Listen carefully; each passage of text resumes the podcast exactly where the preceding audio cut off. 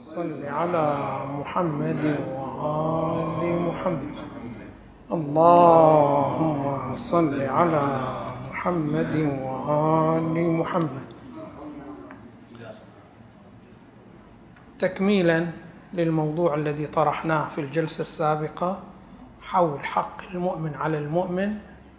نذكر بعض الأمور لذلك الذي ذكرناه تكميلا لما ذكرناه قبل. روي عن الإمام الصادق سلام الله عليه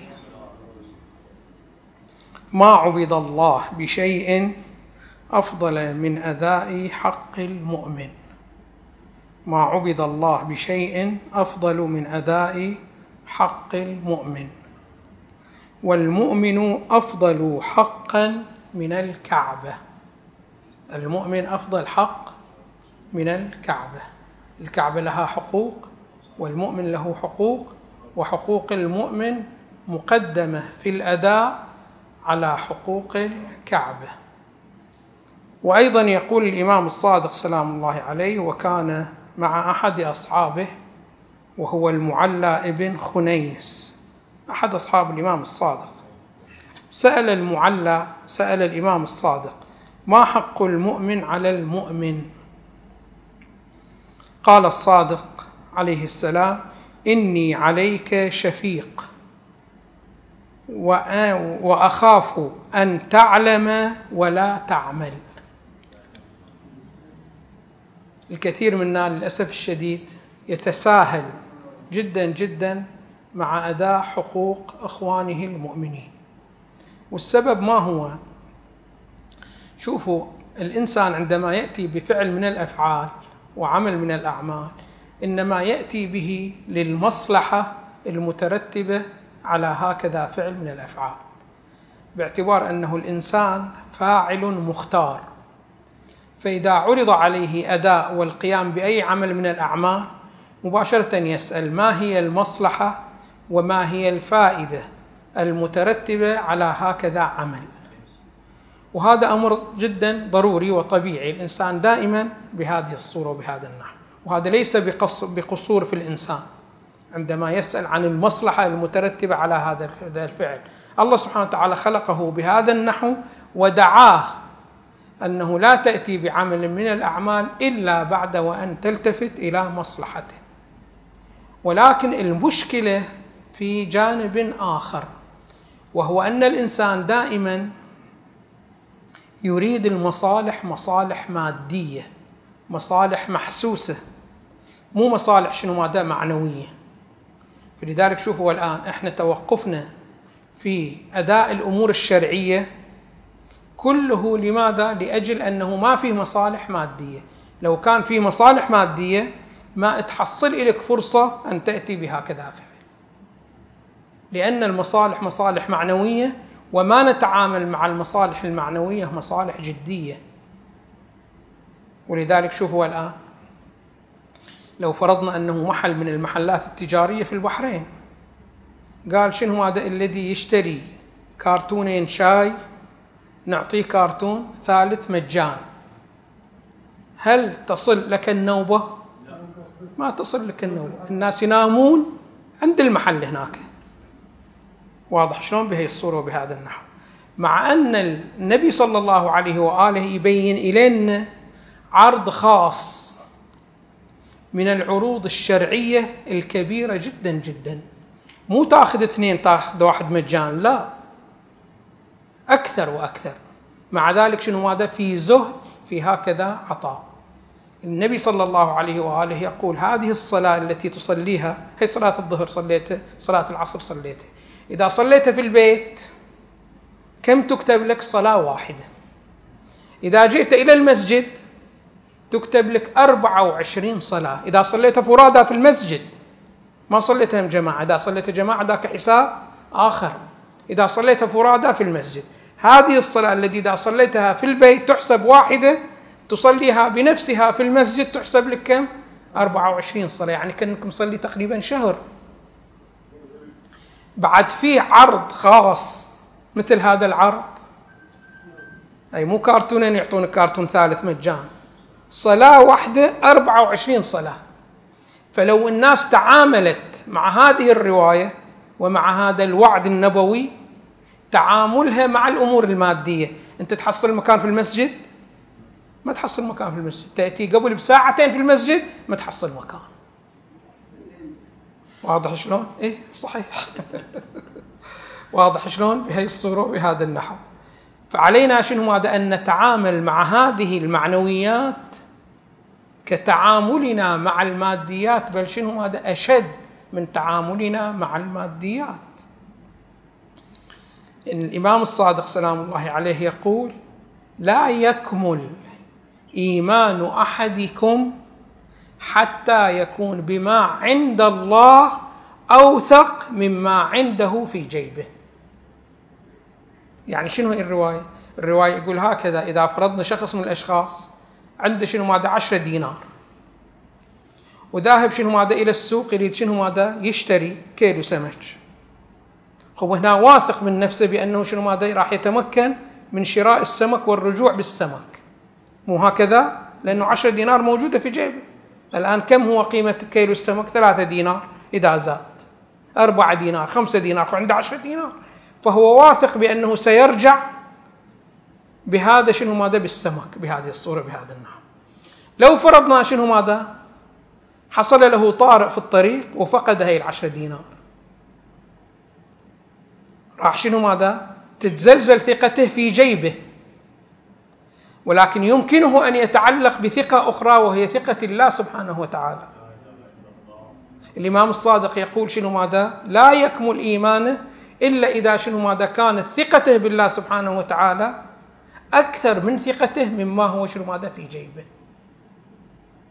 واضح شلون؟ وكثيرا يحجون الناس به الصورة به الطريقة رحت شنو ماذا السوق؟ أريد أشتري شنو ماذا؟ بضاعة. من البضاعات واضح شلون؟ مديت إيدي في جيبي شفت بأنه المبلغ شنو ماذا؟ نسيته. واضح شلون؟ ولكن وأنا برجع ما عندي أي شيء من الأشياء. وإذا بشخص من الأشخاص يلتقي بي ويذكرني بمبلغ قبل سنوات أساسا أنا مسجلنه ويا الأمور التالفة.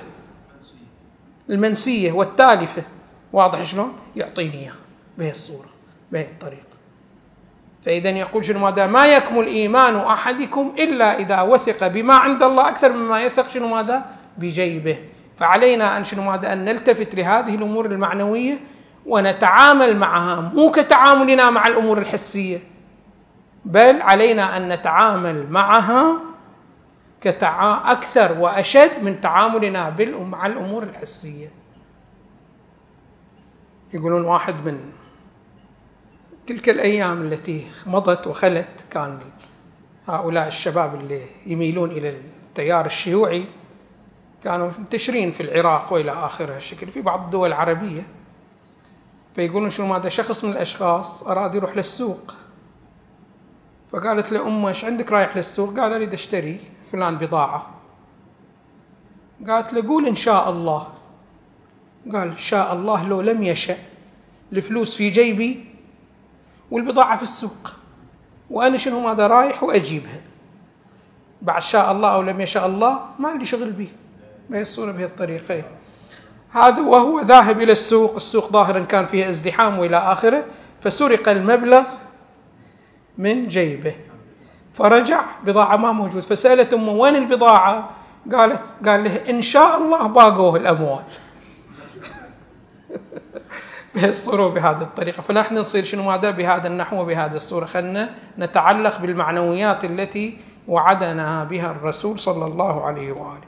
فهنا الصادق سلام الله عليه يقول للمعلى إني عليك شفيق. يعني أخاف أعلمك بحقوق المؤمن على أخيه وما تعمل بها. فيسجل عليك مخالفة. تعلم ولا تعمل. بهذه الصورة وبهذا النحو. ثم قال الإمام الصادق هي سبعة. ثم يبين هذه السبعة واحد تلو الآخر. ولكن هذه السبعة هي كلها مضمنة في الأول. فلو الإنسان عمل بالأول هذه السبعة هي شرح للأول. ما هو الأول؟ يقول الأول أن تحب له ما تحب لنفسك وأن تكره له ما تكره لنفسك. واضح شلون؟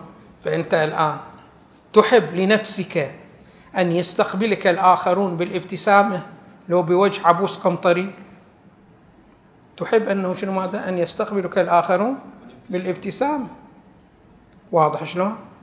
فأنت كما تحب للآخرين كما تحب شنو ماذا لنفسك أن يستقبلك الآخرون بالابتسامة. أنت استقبل الآخرين شنو ماذا بالابتسامة. يعني الآن للأسف الشديد البعض شنو ماذا يشتكي الي يقول لي نحن نأتي لبيت الله ونأتي للعبادة يقول أخوي هذا في الإيمان كل ما أحاول شنو ماذا ابادله بالابتسامة كله دائما يقابلني بالعبوسية وبال البؤس وبالحزن وإلى اخره كأني أنا ماخذ شنو ماذا مال أبوه وإلى اخره هالشكل بيص إيه؟ فلماذا هكذا؟ يعني هذا شنو ماذا ما يليق بالمؤمن انت مؤمن. وهذا شنو ماذا مؤمن؟ وكلكم جايين شنو ماذا؟ للمسجد. فأنتم في مجيئكم للمسجد كلكم محسوبون على من؟ على الله سبحانه وتعالى. فلماذا تغضب الله في بيته؟ أنتم تعرفون هاي المسائل؟ يعني مسائل جدا خطيرة. إحنا بس نسمع وما نتفكر ما نتوقف. شوفوا أنتم يوميا كل أعمالنا الصغيرة والكبيره كلها تعرض على رسول الله صلى الله عليه وآله. كلها.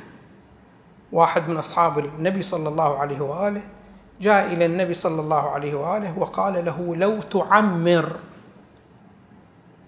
يعني لا تموت. فإنا نستفيد منك جدا كثيرا. فقال له إن مت فهو خير لكم وإن عشت فهو خير لكم. أما إن عشت فهو خير لكم واضح. تتعلمون من علمي وتهتدون بسلوكي وإلى آخره وجود النبي كان بركة بين شنو ماذا بين ظهور المؤمنين بلا إشكال. وإن مت فإن أعمالكم تعرض علي يوميا. فما كان من خير دعوت الله سبحانه وتعالى أن يوفقكم للزيادة.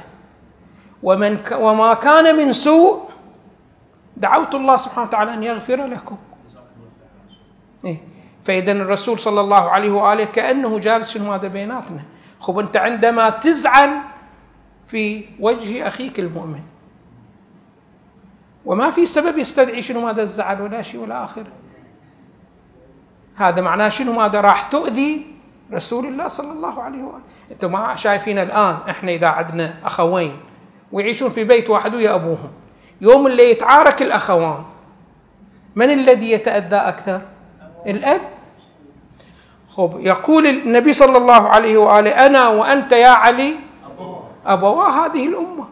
فنحن يوميا كم ندخل الأذى على الرسول صلى الله عليه وآله وعلى آل بيته؟ بعدم شنو ماذا؟ عدم تعاملنا مع بعضنا البعض. بصورة شنو ماذا جيدة. وأحب أقول إليكم أحد الإخوان من أصحاب علم النفس سوى نوع من التحليل ونوع من متابعة وإلى آخره.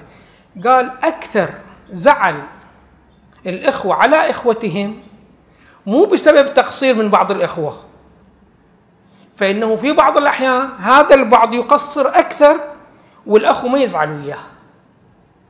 وإنما في شيء آخر من الأشياء الحياتية هي سبب الزعل وإلى آخره. فكثيرا من الأحيان إحنا للأسف الشديد نزعل على إخواننا مو لمبرر. بدليل إحنا نصبر عليهم مع التقصير أكثر في هذه المجالات. ولكن إحنا شنو ماذا نخلي فيه بعض القهر. على جوانب أخرى ما نقدر نطلع هناك نجي ونطلع شنو ماذا في أخينا المؤمن. ونؤذي رسول الله صلى الله عليه وآله. فعلينا أن نلتفت إلى هذا الجانب. فدائما كل شيء تحبه إلى نفسك حبه إلى من؟ إلى أخيك المؤمن. يذكر الإمام سلام الله عليه أن تعينه بنفسك ومالك ولسانك ويديك. الأمر الثالث أن تتبع رضاه وتتجنب سخطه.